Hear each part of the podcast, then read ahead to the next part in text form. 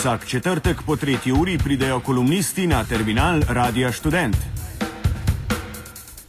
V terminalu vedno različni, nikoli isti reš kolumnisti.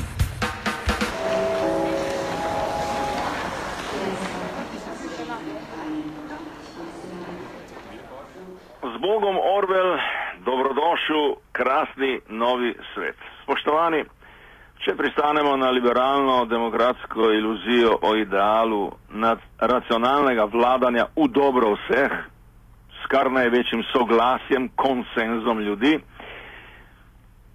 tudi po tej logiki je bila proslava dneva državnosti čista norost, ne? nepotrebna provokacija ki je proti sebi in proti vladi vzpostavila nenavadno, enoglasno in glasno levo-desno fronto, vključno najbrž tudi z večino ljudstva, ki naj bi mu vrednote partizanstva vendarle še nekaj pomenile. Skratka, tipično za Janševo kulturo vladanja bomo rekli. Nič novega, predvidljivo, da, vendar le v normalnih razmerah. Razmere pa niso normalne. Ekonomsko in politično je na delu izredno stanje, kot vemo, iz mladine. No, v vsakem primeru pa, rekel bi, kreg z velikim delom javnosti najbrž ne, ne bi smel koristiti vladi? Je pa šlo vendarle za navidez protislovno ravnanje torej vlade v lasno škodo. A razen seveda, če ne pristanemo na staro behavioristično tezo o J.J.-evem škorpionskem političnem značaju. A tudi ta teza je že takoj v protislovju z nekim drugim občim mestom o Janši, da je namreč odličen strateg, velik politični računar in makiavelist. Cilj posečuje sredstva in te reči, skratka. No, to protislovje vsekakor uh, vzbuja pozornost oziroma ni ostalo, oziroma ostaja nepojasnjeno. Ne? Tega protislovja levi komentatorji pač niso pojasnili, ampak so reagirali nekako refleksno. Ne? Smo, tako smo lahko brali, poleg običajnega ogorčenja in zaklinjanja na antifašizem, vrednote in tako naprej, tudi precej retro analize o bližanju Orvelovemu letu. V času interneta in medijskega overkila, no, mislim, kaj ko bi se raje vprašali, zakaj je veliki računar dopustil oziroma uh, pripravil takšno proslavo. Kaj pa, če je bilo namirno in to z več cilji? Recimo, najprej je dal koalicijskim partnerjem vedeti, da se sprenevedajo, kritizirajo proslavo, gre pa za dosti bolj pomembne krizne reči.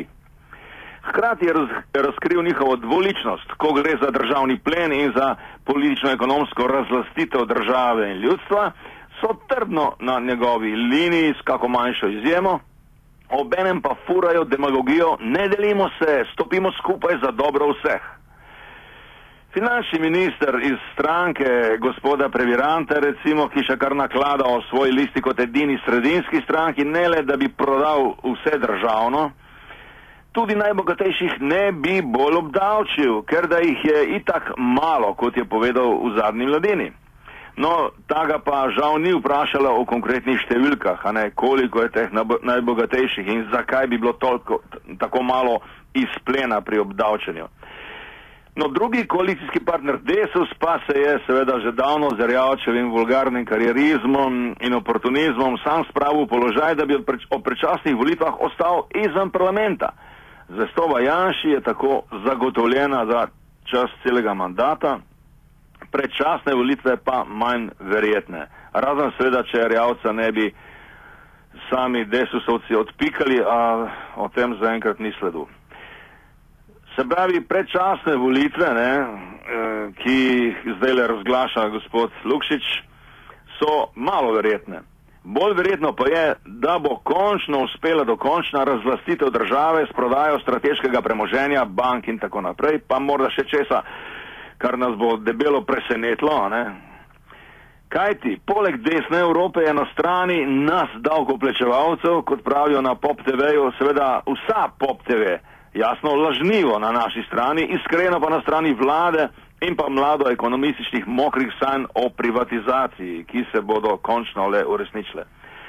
In tudi napovedane reforme delovne in pokojninske zakonodaje imajo sedaj več možnosti kot pod pahorjem, kajti položaj najmočnejših nasprotnikov sindikatov je pač bistveno šipkejši kot pred letom ali več.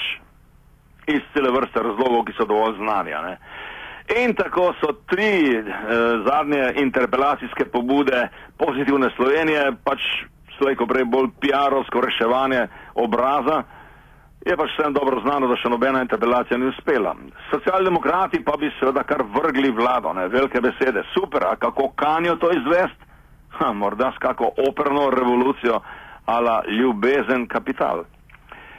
Skratka, v zavestni in samozavestni norosti nedavne proslave je metoda, ki ni zgolj izraz Janševe avtoritarne persone, ampak se zdi del načrta, če že ne druge republike, pa zagotovo druge in drugačne družbe in državljanskega korpusa. Še bolj nemočnega, še bolj razdeljenega, malodušnega, prestrašenega in, vse, in še manj solidarnega. Janša ima torej, tako kot pri oblikovanju vlade, za razliko od politične levice, jasen načrt. Politično in družbeno šok terapijo, ki naj trajno eliminira še preostale ostanke totalitarnih vrednot v naši družbi. Ta mora končno že postati družba svete sebičnosti, dominacije zasebnega nad javnim, in skupnim, kreativne destrukcije, totalne konkurenčnosti, boja vseh proti vsem in vsega, kar gre zraven. No, sicer pa je na te in takšni smeri razvoja v popekonomskem in kulturno-medijskem smislu ta naša družba že kar nekaj časa. Vsaj od denacionalizacije pa certifikatske privatizacije in milijonarja naprej. Torej, z nemajhno pomočjo levo-liberalnih vlad in medijev od svetega Drnovška dalje. In seveda, Janši kljub Olondovi pirovi zmagi v Franciji ustrezajo tudi prevladujoče evropske smeri razvoja pod taktirko Evropske ljudske stranke in Merkelce. To se bo torej dogajalo najmanj tja do nemških volitev jeseni 2013, če seveda prej ne bo kaj krepko počlo in bodo dobile vsakašne šok terapije itak še dodaten pospešek. Pa še to. Hej, morda pa je hotel naš premijer hkratnim dvojnim udarcem proslave in rezanja privilegiranih ideoloških rdeče zvezdnastih pokojnin promovira tudi neko psihopolitično vrednotenje in uh, podstat oceno nacionalnega karakterja pri nas, ki bi se lahko glasilo takole. Ja, vi slovenci, prehlajeni predmet moje samovolje. Pa kaj se repenčite zaradi neke proslave pa rdeče zvezde? Dobro vem, da vam gre najpoprej za želodce in denarnice. Na simbole zgodovino in državljansko dostojanstvo se pač požvižgate in se boste še bolj, ko bo zares zaoral moj krizni menedžment. Konec domnevnega citata. Ta ocena je sicer cinična, ne pa tudi nerealistična. Od Marksa že vemo, da cinizem ni v besedah, ampak v stvareh.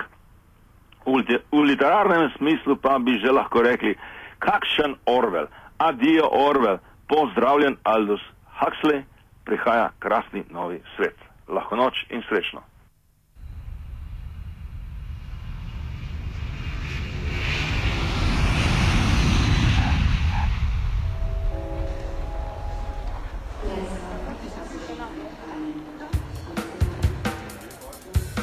Vsak četrtek po tretji uri pridejo kolumnisti na terminal Radia Student.